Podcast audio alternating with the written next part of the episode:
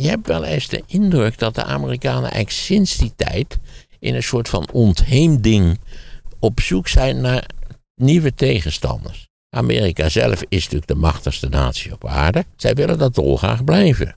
En daardoor projecteren ze die wens, naar mijn gevoel, deels op China. Het verlossen, kunt u mij horen? Volg deze podcast in je podcast-app, want dan krijg je automatisch de nieuwste aflevering bovenaan in je feed. De tegenstanders van de Verenigde Staten. Daarover gaat deze aflevering. Vooral waarom willen de Verenigde Staten altijd een tegenstander hebben? Waarom vinden ze dat fijn? Dat gaan we uitleggen aan de hand van voorbeelden.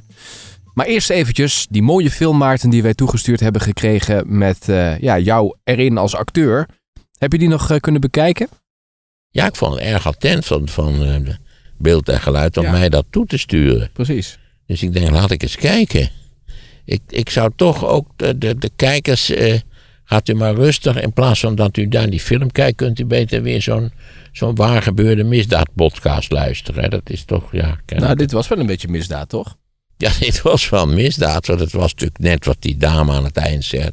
Het is moord. Heb je de hele film nog eens een keer zitten kijken? Nou, ik, ik, ik heb een stukje bekeken. Uh, ik vond het eerlijk gezegd dat het goed in elkaar zat. Uh, het, het, het, was natuurlijk een vrij korte film, 50 minuten meen ik. En dat was ook al gemaakt als tv-film. Daar is ook een, een, een, hij heeft ook een gouden kalf ermee gewonnen. En ik heb natuurlijk wel even naar mezelf gekeken.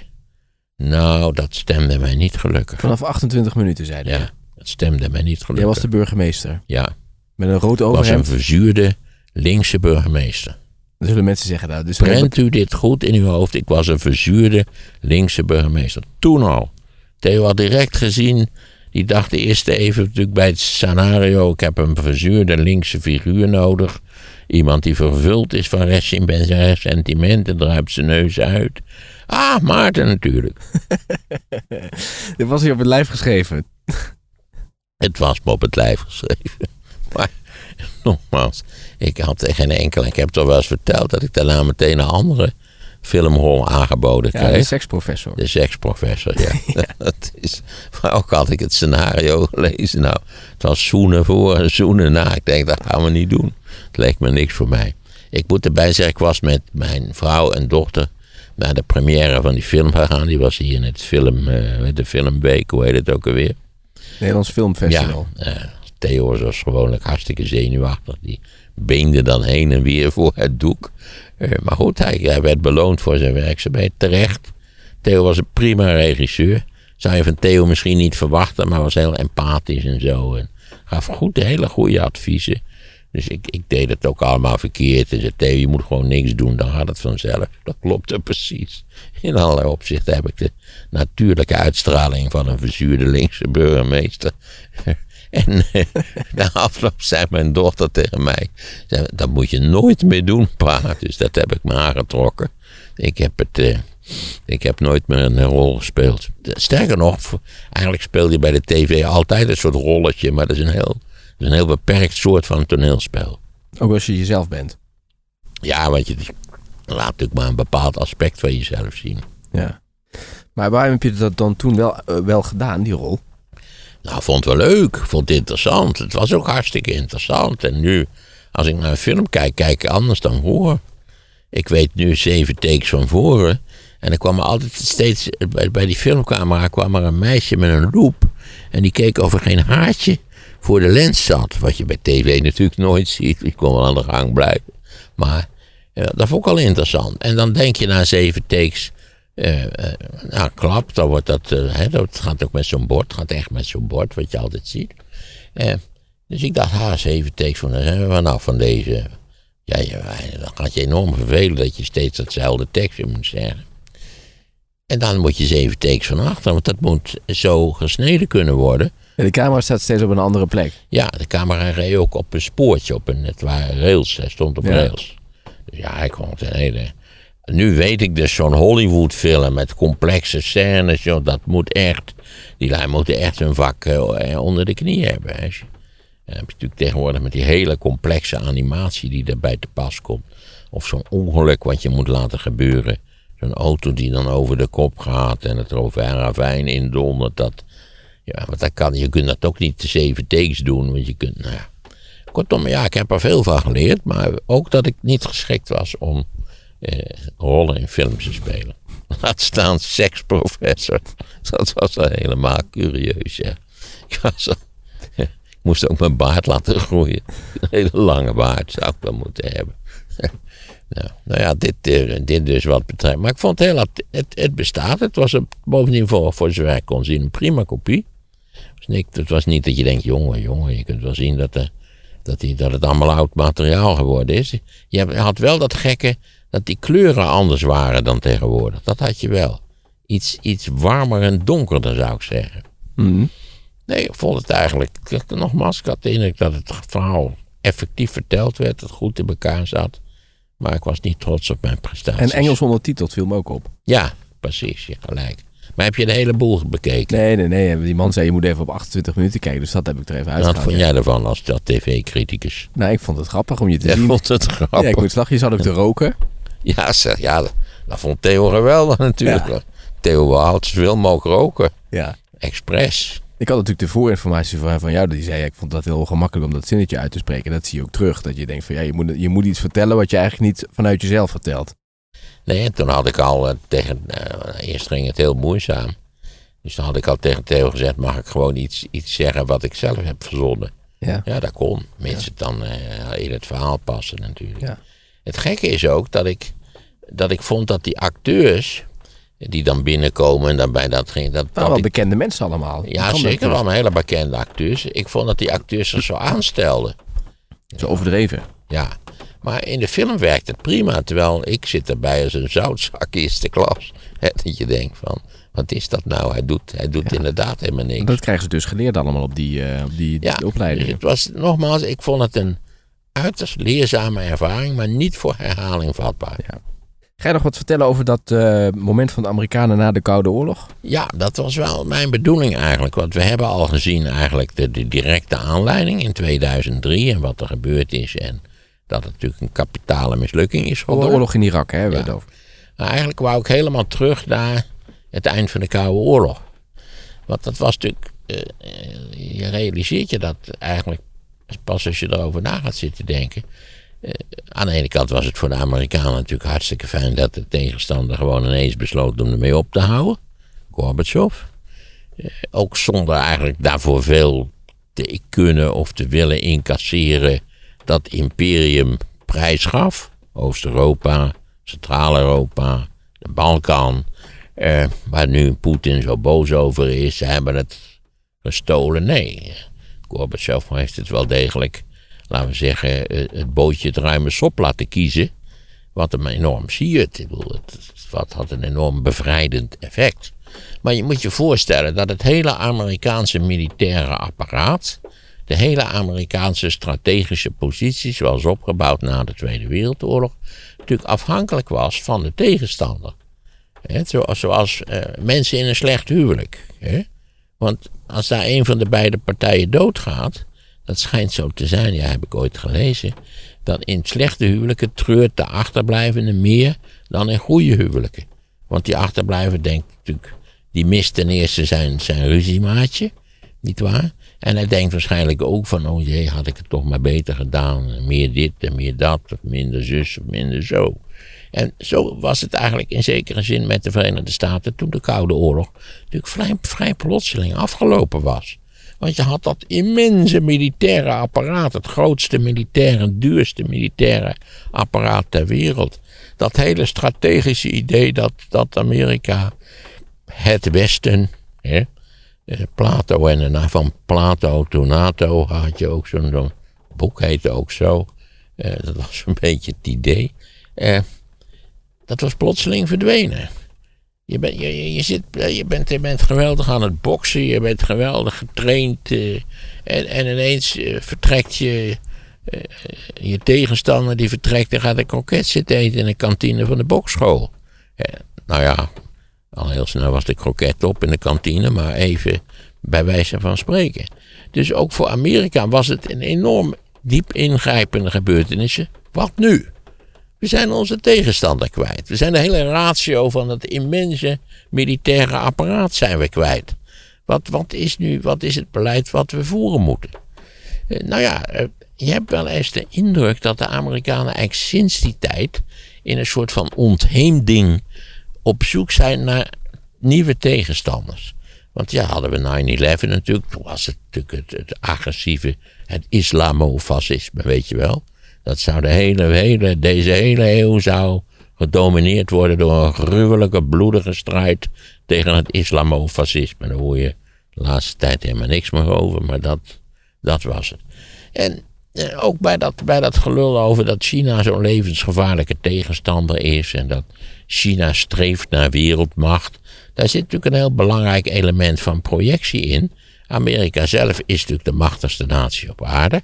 Dat zijn ze al, laten we wel eerwezen, dat zijn ze al natuurlijk sinds 1945. En zij willen dat dolgraag blijven. En daardoor projecteren ze die wens, naar mijn gevoel, deels op China. Wil China, eh, kijk, wat China wil, denk ik, is dat ze, eh, dat ze ook, dat ze ook zo'n positie toebedeeld krijgen. Want ze zullen zeggen, ja, wacht nou even. Wij zijn wel de, de eerste of de tweede, er is ook altijd twist over industriële mogendheid op aarde. We zijn de grootste exporteur op aarde, dus wij willen wel, wij willen wel lekker meetellen. En ze zijn in allerlei opzichten eerst door de Amerikanen heel positief behandeld. De Amerikanen hebben ze WTO-lid gemaakt, de World Trade Organization. De Amerikanen hebben een belangrijke bijdrage geleverd aan de industrialisering van China. Hebben op grote schaal geïnvesteerd in China. Dat is nog steeds het geval. Dat is juist zo raar. Dat onder die laag van, van ideologische pritpraat, althans wat mij betreft, eh, over de wereldheerschappij, niet waar, zit nog steeds een immens Amerikaans belang. Zij willen zich wat, wat losser maken van China, maar ik heb begrepen dat er voorlopig nog niet zo heel veel sprake van is. Zij dat bijvoorbeeld een bedrijf als Apple ook grote investeringen in India doet. Waar je uiteindelijk natuurlijk weer precies tegen hetzelfde geval zal aanlopen, want ook India heeft 1,4 miljard inwoners en Stel voor dat het zich zou industrialiseren à la China, wat ik denk niet het geval zal zijn, gegeven het feit dat India totaal anders in elkaar zit dan China, maar toch terug naar de Verenigde Staten. Je hebt het gevoel, ze, ze missen een tegenstander. Wat nu? Wat, wat moeten we nou doen? Wat, wat zijn de conclusies die we als Verenigde Staten moeten trekken uit het eind van de Koude Oorlog? En daar zijn, zijn in, in dat tijd zijn er al vrij snel drie alternatieven aangeboden. Van mensen die zeiden van, wat is er nou eigenlijk gebeurd? En het, ik denk dat het beroemdste van die alternatieven, maar misschien niet het invloedrijkste, was Fukuyama. He, Fukuyama heeft eerst een artikel geschreven, The End of History en The Last Man. En vervolgens heeft hij dat, je kunt veel beter het artikel lezen, staat er alles in. Want daarna heeft hij er een boek van gemaakt, staat ook alles in, maar al erg, erg veel overbodige letters, zal ik maar zeggen. Uh, en wat is de theorie van uh, The End of History? Dat natuurlijk, hij bedoelt daar niet mee het einde van de evenementiële geschiedenis, want die gaat gewoon door, dat begrijp je. Maar het eind van het alternatief. Zijn, zijn theorie is, er is in feite geen alternatief voor de liberale westerse orde. Die heeft allerlei varianten. Je kunt Denemarken, hoort daarbij, en de Verenigde Staten hoort er ook bij. Nou, dat zijn twee grondig van elkaar verschillende samenlevingen. Of je kunt Nederland nemen, zo je wil. Er zijn varianten. Hè. Ik zou maar zeggen, eh, Nederland en Frankrijk behoren zelf binnen het kader van de, van de liberale orde. En het alternatief was natuurlijk, in de 20e eeuw hadden we twee alternatieven gehad. Namelijk het fascisme, met zijn corporatisme, corporatistische ideologische inhoud, plus natuurlijk het wereldcommunisme. Verbeeld in het bijzonder door de Sovjet-Unie. En later, aanvankelijk speelde China daar natuurlijk helemaal geen rol. Later eh, ook een klein beetje door China. En de thematiek is dat eerst is het fascisme verslagen natuurlijk. Door eh, zowel de communisten en de liberale wereldorde in samenwerking. En nu was plotseling het waar het communistische, bolsjewistische alternatief, als je het zo wil noemen, dat is ingestort. en, en was eigenlijk, ja, verlangde erna om ook, ook eh, zodanig georganiseerd te raken, dat ze die, die enorme, eh, laten we zeggen, technologische eh, ontwikkeling die het Westen steeds doormaakte, dat zij dat ook wilden. Terwijl ze hadden allemaal, zoals je weet, altijd oude spullen hadden, nooit iets werkt. En dan gaan de DDR kijken en dan weet je hoe het zit. We hebben laatst het BBB-museum. Als je dan die aandoenlijke rommel van de vorige jaren 50, dan zie je pas hoe ingrijpend ook onze samenleving veranderd is. Dat is de theorie van Fukuyama. Heb je dat er niet is nog gehoord dat maar er maar- één attractieve, werkende maatschappelijke orde. Ja. En dat is de orde van het liberale Westen. Heb je niet gehoord dat ze maar 20 tanks per maand eh, produceren daar in Rusland? Die ze kunnen inzetten in Oekraïne? Ja, dat is niet veel. Maar ik begreep dat ook het Westen geplaagd werd door, door eh, vrij beperkte industriële mogendheden. Met name de munitieproductie in de Verenigde Staten. Die eh, was het ook alweer. Ze verschiet in de Oekraïne in een maand meer dan wat de Amerikanen in een jaar produceren. Omdat natuurlijk niemand had, niemand had gerekend, laat, dat is zo klaar als een klontje, met een nieuwe, enigszins ouderwetse oorlog in Europa. Maar Amerika is natuurlijk niet de enige aanvoerder van eh, militaire spullen. Nee, maar ook, ook, ook, de, ook de Duitsers kunnen hun, hun Leopard-productie. Dat is een heel ingewikkeld productieproces. Dat voel je wel aan je water. Het ding weegt 65 ton en is voor- voorzien van allerlei ongelooflijk leuke dikke dingetjes. Eh, daar kun je niet zeggen, weet je wat we doen? We verdubbelen de productie. Nee, ja, dat kan wel. Maar daar hebben we al, ik denk wel twee, drie jaar voor nodig voordat je zover bent. Eh? Bij auto's zal het, dus, nou ja, lopende bandproductie. eh. Nee, dat gaat allemaal niet zo simpel natuurlijk. Wij denken altijd dat je hoeft maar met je vingers te knippen en dan gebeurt het. Hè? Als er maar de goede wilde maar is, dan... Goed, terug naar Fukuyama. Dat was het idee. Eh, ja, en, en, en Fukuyama had dat allemaal op papier gezet. En toen bleek natuurlijk... Ja, wanneer heeft hij dit op papier gezet? Ik denk dat het artikel is van... De late jaren tachtig.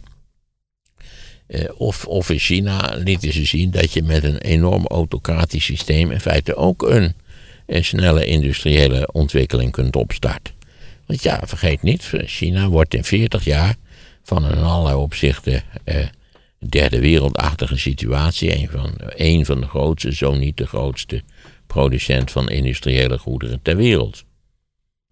Vaak ook een beetje rommelspullen, maar goed, toch. Denk aan die containers die van het schip waren gevallen. Die bleken vol te zitten met crocs en, en, en mini-autootjes. Maar dit tussen haakjes. Ehm, eh, er waren twee andere alternatieven. Die zeiden: nee, dat, dat, die, dat, dat, is, dat is helemaal verkeerd. En, en zeker dat er dan maar zogenaamd geen vijanden meer zijn, dat is kletskoek. En eh, ik denk de meest invloedrijke van, het, van de, drie personen die ik ga bespreken, en dit was Fukuyama. eh, dit is ook een beetje dat, dat liberale systeem, de rules-based world. Die wordt geleid door de Verenigde Staten. Dat is namelijk een land dat zelf zich totaal niet aan de regels houdt, maar wel de leider is van de rules-based world. Dat we zeggen, de rules zijn voor de anderen en niet voor de Amerikanen. Als je dat, dat moet je steeds wel vrij scherp in de gaten houden. De rules zijn er voor Nederland. Wij moeten onmiddellijk van TikTok af. Dat kan echt niet zo. Chinezen die. Nou. Eh, De tweede was een zekere Charles Krauthammer. Interessante naam op zichzelf. Van origine nog veel gekker, een psychiater. Bovendien een invalide. Hij zat in een rolstoel. Dat deed er verder voor het denkwerk natuurlijk helemaal niks toe. Maar Krauthammer zei: eh, Dit is allemaal eh, een beetje halfzacht gelul. Eh, in feite, als je naar de wereld kijkt, dan weet je dat er in de wereld eigenlijk maar één land is wat werkelijk iets kan doen. Wat werkelijk in, de, in strategisch eh, tot besluiten kan komen.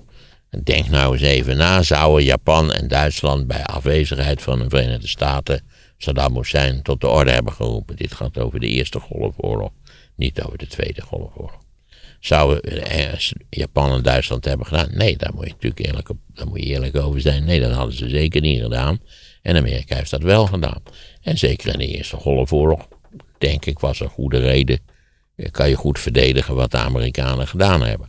De oude Bush dus in feite. Samen met Colin Powell. Een beetje. Eh, nee, dus uh, Krauthammer zei, kijk eens, dit is een unieke gelegenheid. Er is in feite dus nu nog maar één grote speler, strategische speler op het wereldtoneel over. De Sovjet-Unie is verdwenen. Die bestaat niet meer. Na december 91 bestond die niet meer. Amerika, en dat is de, zijn de Verenigde Staten. De enige die echt iets kunnen doen, dat zijn de Verenigde Staten. En de Verenigde Staten die moeten van deze unieke gelegenheid gebruik maken om de wereldorde zo in te richten, desnoods met gebruik van geweld. Geen sentimenteel gelul, daar hebben we allemaal niks aan. Desnoods met gebruik van geweld, zodanig dat de veiligheid van de wereld, niet waar de strategische veiligheid van de wereld ook voor de langere duur gevestigd kan worden. Want hij zeiden, ja, eigenlijk goed, de Sovjet-Unie is verdwenen, daar hoeven we verder niet zo bang meer voor te zijn. China was er natuurlijk, bij dit, al deze verhalen moet je realiseren dat China er niet was als strategische speler. Dat, is, dat heeft 40 jaar geduurd voordat China op het wereldtoneel ook een strategische speler is geworden. En voorlopig wel zal blijven. Maar dat was het dus niet. Hij, eh, Krauthammer wees op de zogenaamde weapon states. Dat waren hele kleine landen die eigenlijk nou, misschien niet naar wereldmacht streefden, maar toch een zodanige bewapening hadden ontwikkeld. Noord-Korea, Iran, eh, heet het, Irak natuurlijk. Dat daar moest mee worden afgerekend. En als het niet goed schiks kon, dan moest er maar kwaad schiks. En aangezien de Amerikanen konden doen en laten waar ze zelf zin in hadden, moesten ze dat ook vooral doen. Dat was het idee van Krauthammer. Het is niet meer een, een bipolaire wereld. Ook dat gelul over de multipolaire wereld, daar moest je helemaal niets van hebben. Daar had Amerika niks aan. Amerika moest er vooral niet de les laten voorschrijven door die Europese zwakkelingen die altijd maar fijn eh, veiligheidje, de veiligheid in de schaduw van de Verenigde Staten misbruikten. Nee, Amerika moest daadwerkelijk eventueel keihard optreden en wel zodanig dat de strategische veiligheid van de Verenigde Staten en dus ook het hele Westen voor langere tijd verzekerd was. Ik denk dat dit idee, met name natuurlijk ter rechterzijde bij de Republikeinen, een heel belangrijke invloed heeft gehad. We gaan zo door verder op deze weg. Nog even de derde, want vervolgens verscheen er een eh, aanvankelijk een artikel, ook daarna is daar weer een boek van gemaakt. Ook je, kunt, je hebt ruim voldoende aan het artikel, dat boek hoef je helemaal niet te lezen. Maar je begrijpt hoe interessant dat is. En dat was een, een artikel van een zeker Samuel Huntington. Samuel Huntington was een, was een politicoloog die al heel veel gepubliceerd had. En bij Huntington zei, nou, is ook wel iets later dat stuk van Huntington. Eh, hier klopt eigenlijk allemaal niks van. Je moet kijken naar civilizations. En, en de wereld bestaat uit verschillende civilizations en daarin zit een enorme hoeveelheid potentiële frictie. En met name zag hij frictie ook op de lange termijn tussen zeg maar, het Westen, in de ruimste zin van het woord, Amerika en zijn bondgenoten aan de ene kant en de islam en alle frustraties en ressentimenten van de islam in de diverse islamitische landen. Wat zei hij ook alweer? De long border between the West and the Islam is a bloody border. En eh, niet alleen zijn die dat, daar moet je rekening mee houden. En kijken wat je daar eventueel aan zou kunnen doen. Maar hij zei ook, eh, China zal eh, uiteindelijk een grote mogendheid worden, een grote speler op het wereldtoneel. En je moet China de ruimte geven. En ga nou niet bij voorbaat uh, piketpaaltjes slaan van wat niet mag en zo. China verdient, net als alle andere grote mogendheden, zeker in de eigen regio, de ruimte. Zij het, dat zei hij wel. Je moet wel zorgen dat, laten we zeggen, militair gesproken, het Westen, in het bijzonder het Westen onder leiding van de Verenigde Staten, dat het Westen eh, goed bewapend blijft. En dat we niet ineens verrast kunnen worden door een tegenstander die iets doet waar we dan uiteindelijk eh, niks tegen blijken te doen, omdat we de spullen niet meer hebben. Want er was natuurlijk een heel sterke neiging overal in de westerse wereld om die, om die defensiebudgetten, die, al, die, ja, die relatief hoog waren geweest in de Koude Oorlogstijd, om die zo snel mogelijk te verlagen. We zien nu eigenlijk nog steeds de effecten van de ingrijpende structurele verlaging van defensieuitgaven. Nu we plotseling uh, uh, granaten nodig hebben, helikopters, weet ik wat we allemaal niet nodig hebben in verband met die idiote oorlog die eh, onze vriend Poetin, onze vriend, eh, tussen haakjes, kijk dat je in zulke situaties eigenlijk onze vriend zegt, terwijl iedereen weet Dat het eigenlijk onze vijand is. Maar. Bedoel je cynisch dus, hè? Ja, dat is een beetje, een beetje cynisch woordgebruik. Dat was, de- dat was Huntington. Het gaat er heel anders uitzien. Dus nog even drie op een rij, welke we, we hadden. Fukuyama, Francis Fukuyama. Eh, dat was The End of History and the Last Man. Lees het stuk, het artikel is voldoende. En dan had je Charles Krauthammer. En Daar is een- hij heeft in ieder geval een of andere lezing ooit gehouden voor zo'n republikeinse conservatieve club. Dat is gewoon te vinden. U typt in Charles P. Krauthammer op het internet en u kunt dat stuk, denk ik, zonder grote moeite vinden.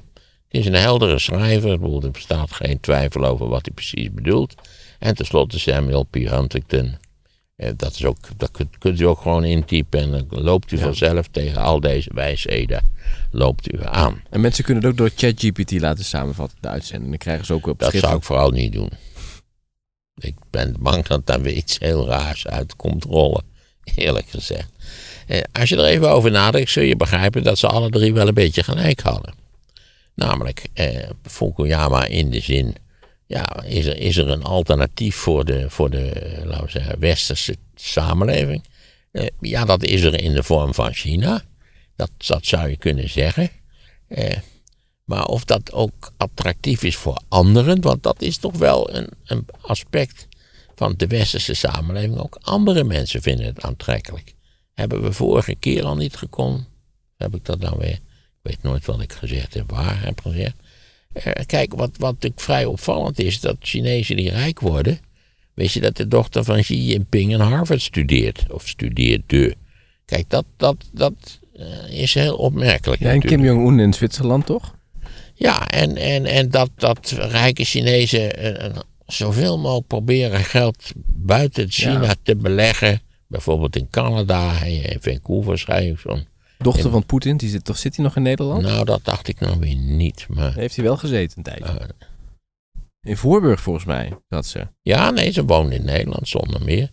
Maar Dus toen was ze gewoon hier ontdekt. En toen ja, zullen wel mensen haar aan hebben gesproken in de supermarkt. Van, dan kun je die vader niet eens opbellen. Of, ik weet het niet, eerlijk gezegd. Ik weet niet hoe dat, hoe dat precies zit. Feit is dat eigenlijk iedereen die een, een soort van marge van vrijheid heeft in dit soort van onbeschrijfelijke klotenlanden, ook probeert die mar- zichzelf, als het noodzakelijk is, te kunnen verplaatsen naar het westen. Wel wetend dat je daar niet op de, op de, op de drempel van je appartement dood wordt geschoten, omdat je iets gezegd hebt wat niet bevalt. Hè? Ja, kunnen hier misschien ook gekke dingen gebeuren. We leven ook niet in het paradijs, maar iedereen weet dat het hier wel een stuk prettiger is dan het in Rusland of in China is. Al heeft in China de deal natuurlijk, wij zorgen voor de, voor de nieuwe rijkdom en jullie zorgen dat je je bek dicht houdt. Ehm, ja, dus dat, dat geldt nog steeds, denk ik. Dat het Westen aantrekkelijker is. Ook de, de, als je kijkt naar cultu- culturele pro- productie, denk ik dat dat ook een grote trekker geldt. Ongetwijfeld heb je in Rusland ook hele leuke balletdansers en schilders enzovoort. Maar eh, die zullen ook wel, zodra ze kritisch gaan dansen, zal het wel misgaan. En moet je, moet je vluchten. Ik weet niet hoe dat is, kritisch dansen, maar waarschijnlijk kan dat heel goed. Dat wat betreft eh, eh, Fukuyama. Eh Krauthammer had gelijk in de zin dat je ja, ik alle uh, slap gelul over unilateralisme en idealen en zo, maar als puntje bij paaltje komt, heb je iemand nodig die schieten kan en die ook de spullen heeft om te schieten. De Verenigde Staten, de Eerste Golfoorlog. Ja, dat, is- onbetwijfelbaar was dat zo. Had Nederland het houtje gedaan? Nee, dat voel je ook wel. Nederland en België samen? Nee, niets gebeurd. Amerika wel. En, en dan tenslotte Huntington heeft tot op zekere hoogte ook gelijk gekregen. Dus zij hebben allemaal eigenlijk een, een aspect van de toekomst die zich tenslotte toch weer heel verrassend heeft ontwikkeld, wel zien komen. Maar nu terug eigenlijk naar die ideeën van Krauthammer. Want de Republikeinen, daar hebben we het al wel even over gehad. Zeker ter rechterzijde vonden de Republikeinen dat door die unilaterale positie waarin Amerika geraakt was, die moest gebruikt worden. Eigenlijk hetzelfde idee als Krauthammer had. Zij het misschien iets minder schieterig geformuleerd. Eh, en die hebben toen een, een soort gezelschap gesticht, een soort van eh, ik geloof ook dat het wel een stichting, een aanvankelijk een organisatie was, dat heette Project for a New American Century. Ze hadden namelijk de hele 20e eeuw al genaast als American Century. En het was toch het aller, allerbeste voor de hele planeet dat er een tweede American Century bij zou komen. Dat is eigenlijk de thematiek van Krauthammer. Eh, we moeten deze unieke kans die we nu hebben. We zijn verreweg het machtigste land ter wereld. Tegenstanders zijn er eigenlijk niet meer.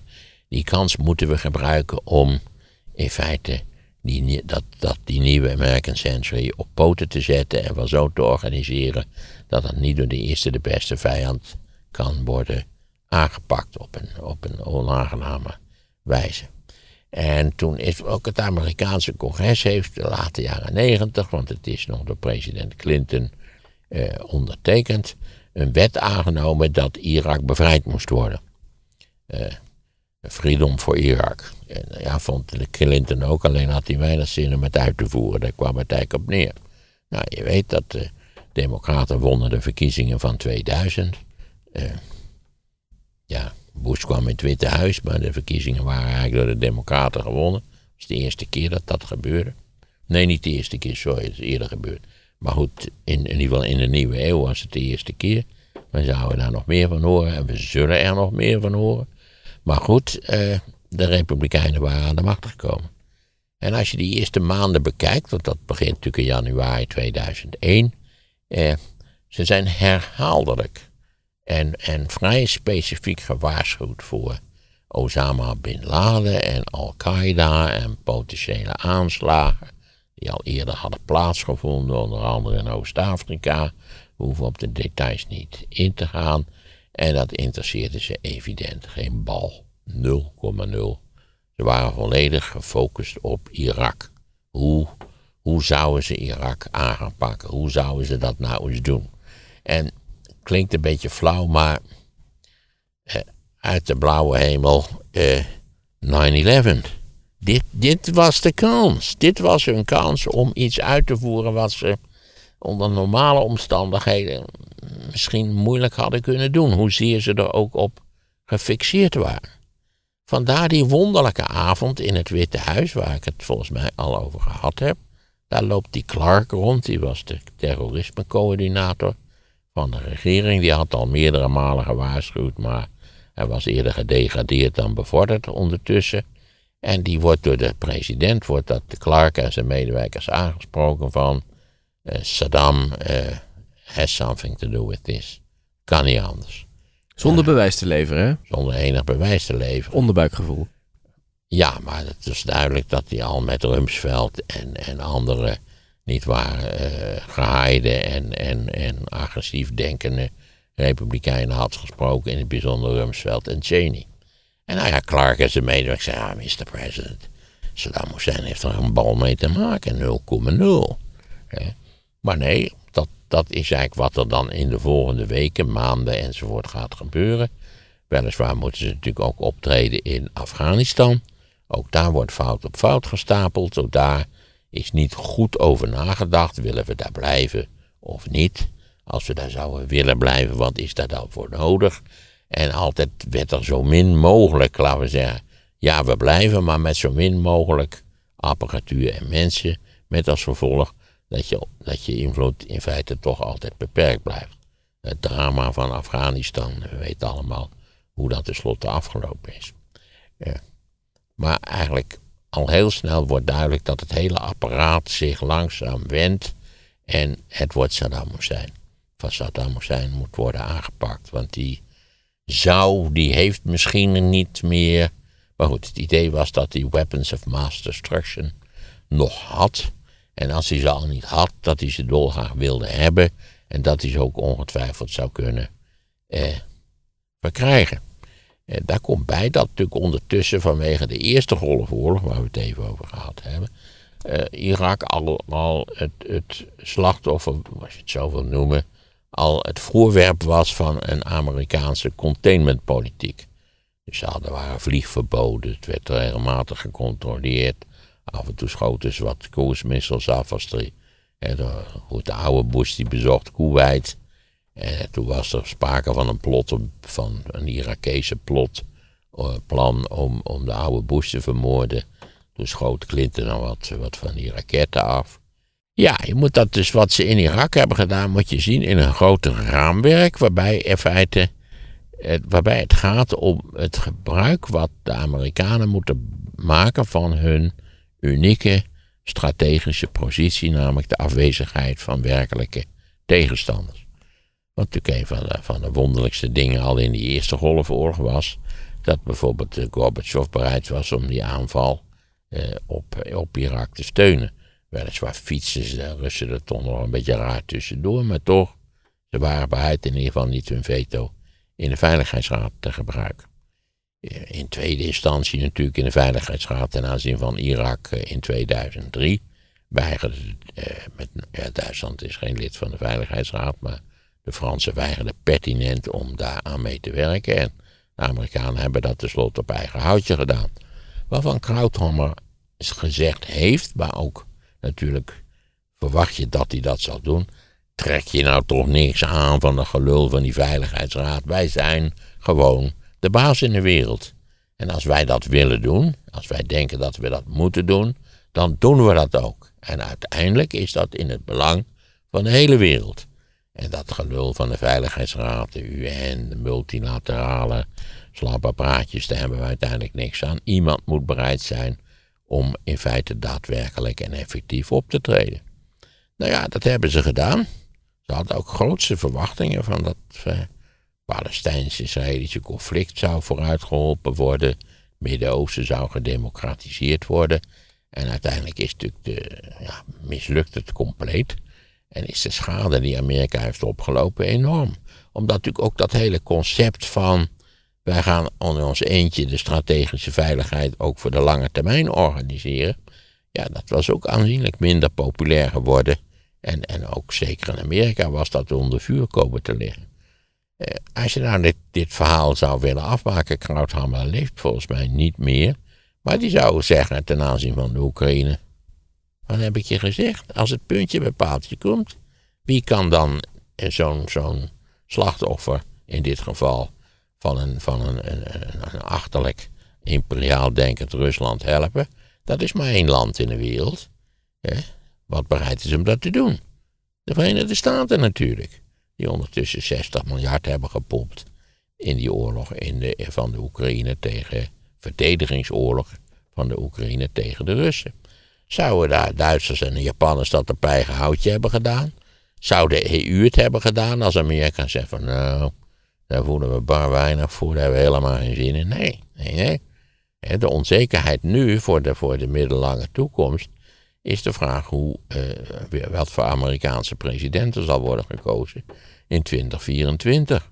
En we hebben die, die boef uit uh, de Santis hebben we al gehoord van nee, ze hebben helemaal geen groot belang voor de Verenigde Staten. We moeten ons nu op China richten, enzovoort, enzovoort. Terwijl ik bijvoorbeeld die, die voortdurend gecreëerde vijandschap met China, ik zou zeggen, ga gezellig eens praten. Eh, zorg nou dat Xi Jinping niet zo'n achterlijke lange trap op hoeft en in een beetje normale omstandigheden ontvangen kan worden met een normale kop thee. Eh, behalve die on, niet die onzin in dat, eh, in dat Kremlin. Wat, wat een poppenkast. Wat een infantiele poppenkast eigenlijk. Ja, dit is eigenlijk de, de thematiek van de postkoude oorlogwereld. Dat, dat de Amerikanen natuurlijk overbleven als enige strategische factor van werkelijk belang in de wereld. Je kunt niet ergens gaan vechten zonder dat de Amerikanen in feite meedoen, als het tenminste serieus vechten betreft. Neem, neem, neem Frankrijk daar in West-Afrika, daar is ook niks, allemaal niks van terechtgekomen. Eh, ja, en, en uiteindelijk heeft dat aan de ene kant helemaal niet goed gewerkt, maar blijkt in een crisissituatie toch weer een deel van het gelijk van Krauthammer. Duitsland doet het niet op eigen houtje. Sterker nog, ze wou pas tanks leveren toen Amerika ook bereid was om tanks te leveren. En Amerika kan het best betalen. Wat was ook weer? 1% van, van de federale begroting. Dus we hoeven er ook niet al te dramatisch over te doen. Maar het is toch weer, we zijn afhankelijk van de Verenigde Staten. Al moet ik, ik blijf bij mijn mening. De Verenigde Staten zijn de leider van de rules-based world, wat dat dan ook precies is. Maar houden zichzelf totaal niet aan de, aan de rules. Dat is natuurlijk ook. De leider hoeft zich niet aan de regels te houden. Is het nou een positief of een negatief verhaal over de Verenigde Staten? Allebei. Het is positief en het is negatief. Groothammer had een beetje gelijk. En tegelijkertijd hadden twee andere schrijvers, in dit geval Huntington en, en Fukuyama, hadden ook gelijk. Fukuyama overigens heeft vrij expliciet afstand genomen van de neoconservatieve oorlogsvoerders in republikeinse kring. Huntington is alweer een tijd dood, dus dat weet ik niet precies hoe die gereageerd heeft. Er is ook zo'n kaartje waar je ziet dat eh, China ook eh, flink veel uh, te investeren is in militair materieel. Ja, maar dat staat in voorlopig in geen enkele relatie tot, tot wat, het apparaat wat de Amerikanen hebben. Waarbij je natuurlijk ook je steeds moet realiseren dat China maar bar weinig bondgenoten heeft. Ze zijn ook altijd op zoek naar bondgenoten. Dan kun je zeggen, ja, ze hebben bondgenoten in Afrika. Honduras, wat een bondgenoot. Ja, die zie die denkt nu al, god allemachtig, moet ik naar Honduras. Daar heb ik al helemaal geen zin in natuurlijk. Nee, Amerika heeft natuurlijk een, in, een immens alliantiesysteem. Amerika is natuurlijk in allerlei opzichten, ook over ten aanzien van economische dus, uh, voorschriften, houdt Amerika zich nergens aan. Mm. Nou, nou, nou. Weer zo'n hardrijder in de straat, dat is toch ook, wat bezielt die mannen toch? Ik weet, nou, ik weet wel wie dit is, maar... Uh, het wordt tijd voor drempels hier. Het was iemand in een Tesla. Ja, het was iemand in een Tesla. Ik ben het met me eens dat die man veel te hard reed. Ja. ja. Zal maar een peutertje oversteken. Zo'n loopfietsje. Nou ja, we hebben het verhaal met de bus gehad, hè? Ja, ja, ja, wat een drama zeg. Verschrikkelijk, je moet er dan niet aan denken. Je denkt toch altijd aan families die daar achterblijven ja. in totale tragische verwarring. Niets meer aan te... Nou, afschuwelijk werkelijk. Maar China kan voorlopig niet, ondanks al dat... Want de Amerikanen hadden als reactie daarop ook materieel naar de, de kusten gestuurd daar, hè, bij China. Naar de, de, de wateren. Ja, ja, zeker. Of naar Taiwan. Hè. Ze leveren natuurlijk ook spullen aan Taiwan. Ja, ik, mijn eenvoudige mening is, we zullen zien hoe dat gaat lopen. Gelukkig ben ik natuurlijk, graag heb ik het eeuwige leven niet. Dus uh, ja, als het over 25 jaar uh, gebeurt, dan kan ik er in ieder geval niet uh, over. Wat je natuurlijk nog kan doen, maar ja, ik wil niet begraven worden. Maar u zou, als ik me nou laat begraven, kunnen ze gaan trappelen op mijn graf. Of, of, of bordjes neerzetten van, wat een stom, nou je bent, je bent toch altijd weer, weer geschokt is het juiste woord niet. Dat je denkt, wat bezielt mensen precies? Bij dat agressieve schelden en zo. Wat, wat, wat steekt daar precies achter? Welke, welke onverwerkte woede over. Waarover eigenlijk precies? Opluchting voor een deel, denk ik. Ja? Uitlaatklep. Ja, precies. Dat Je, je, merkt dat toch vaak als je een reactie... Lekker schelden. Het is wat jij je noemt het het reptiele brein, toch? Ja, zeker. Ja, dat En, eh, daar komt het dat uit voort. onze vriend Piet Vroon.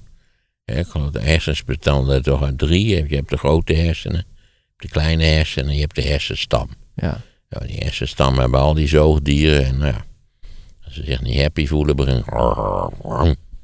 Hè, zoiets. Ja, en daar komt dat, denk ik, die eerste reactie uit voor. Als je het eventjes laat liggen, het berichtje, en denkt, laat ik er nog eens over nadenken wat ik voor Rossum ga sturen. Ja. Ik denk dat er dat dag later een genuanceerder beeld uitkomt. Misschien ook niet bij iedereen, maar Ja. Het, het, het verbaast me toch dat je ook de energie hebt om. Kijk, dat je nog tegen je, tegen je ega zegt van ja, lul is het toch of zo. Dat kan ik me best voorstellen. Daar heb ik ook wel last van af en toe. Maar dat je dan de energie hebt dat je naar je hobbykamertje gaat. Dat je achter je toetsenbordje gaat zitten en even fijn een heleboel van die boodschappen gaat inzitten typen. Hè? Het zijn vaak ook dezelfde patiënten die je in de loop der weken ziet opereren. Ja, je moet dan toch wel. Ja, je moet verteerd worden door een. Ja, wonderlijke woede, anders kan ik het niet noemen. Sowieso zijn we toch eigenlijk verbaasd. Eerst was het Facebook en toen kwam Twitter en, enzovoort. En, nou, TikTok is dan geloof ik voornamelijk een kindermedium, als ik het allemaal goed begrepen heb. Maar we zijn toch ba- verbaasd over de, over de, de, de, de brede woede die opborrelt eigenlijk als je als het ware de, het, het moeras wat, wat we blijken te zijn nader analyseert. Dat hadden we toch helemaal niet verwacht. Omdat die, die, die sociale media binnen zijn gehaald. Dat was democratiserend. En het, het zou juist de, de empathie voor, voor- onder de mensen zou het versterken. Vriendschapsgevoelens. Zo werd het verkocht, ja, Ja, zo werd het verkocht toch. En het, precies het omgekeerde bleek het geval. En de makers wisten dat waarschijnlijk. Dat weet ik niet. Dat zou interessant zijn. Of zouden ze een soort van proefproject hebben gedraaid. Ah, waar zich dat al voor heeft gedaan. Ik denk dat ze het weten, want negativiteit verkoopt toch veel beter dan ja, positieve dat is absoluut een feit. Want dat, is natuurlijk ook, dat geldt ook voor een negatief commentaar op jezelf. Eh, dat blijft beter plakken dan. eh, en als je tien mensen zeggen van oh wat leuk en, eh, enzovoort. heel positief.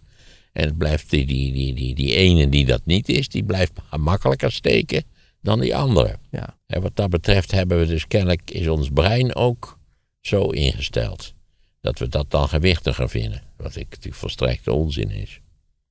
Nog één dingetje over Bush. Hij zei hij is gaan schilderen omdat hij misschien wel spijt had. Dat veteranenproject. Er was toen ook iemand die reageerde en die stuurde een soort van toespraak Ja, mee. dat heb ik gezien, maar is maar zijn verspreking. Hij, hij ziet zelf ook vrij snel eh, wat een co- tragicomische verspreking het eigenlijk is. Want, hij, want ik heb daarna gekeken, naar een filmpje. En dan zie je hem denken, hij zegt ook zoiets van... eh, oh, sorry, dat bedoelde ik niet, maar daar zit ook al wat in. Zo, zo, dat is zijn reactie een beetje. Dus het is geen spijtbetuiging. Nee, want toen heb ik natuurlijk een heel artikel gelezen over die hele kwestie van hoe denkt hij daarover achteraf. En het schijnt dat hij niet echt spijt heeft. Oké. Daar is ook niet mee te leven, denk ik, als je het als, als, je het als spijtig ziet. Ik bedoel, het heeft, het heeft honderdduizenden doden gekost. Miljoenen vluchtelingen. En het is, het- de gevolgen zijn zo dramatisch negatief geweest. Nou, nou, nou. Weer zo'n hardrijder in de straat. Heb je de live podcast over de oorlog in Oekraïne gemist? Vervolgens word je eigenlijk uitgemaakt voor een randebiel die niet wist wat er aan de hand was. En dat vond ik zeker in het geval natuurlijk van Arend Jan wel heel vreemd. Aangezien hij vrijwel nooit gelijk gehad heeft. De live podcast is nu terug te luisteren als luisterboek. Tegelijkertijd hoef je dan weer niet meteen niet waar sidderend wakker te schudden, omdat je ook hebt gehoord dat het Russische leger geen kloot voorstelt. En ook moeite zou hebben met Litouwen te bezetten. Geniet ruim twee uur lang van Maarten van Rossum op ouderwets studium generale niveau. De link naar het luisterboek staat in de show notes. Klaas Arians had lef en gooide 95% van alle managers bij ABN AMRO eruit. En met succes. Hij vertelt over zijn aanpak in de podcast Sea Level. Luister de aflevering nu via de link in de show notes. En wil je weten wat podcasting voor jou kan betekenen? Kijk dan op streamy.audio. Streamy met een Y.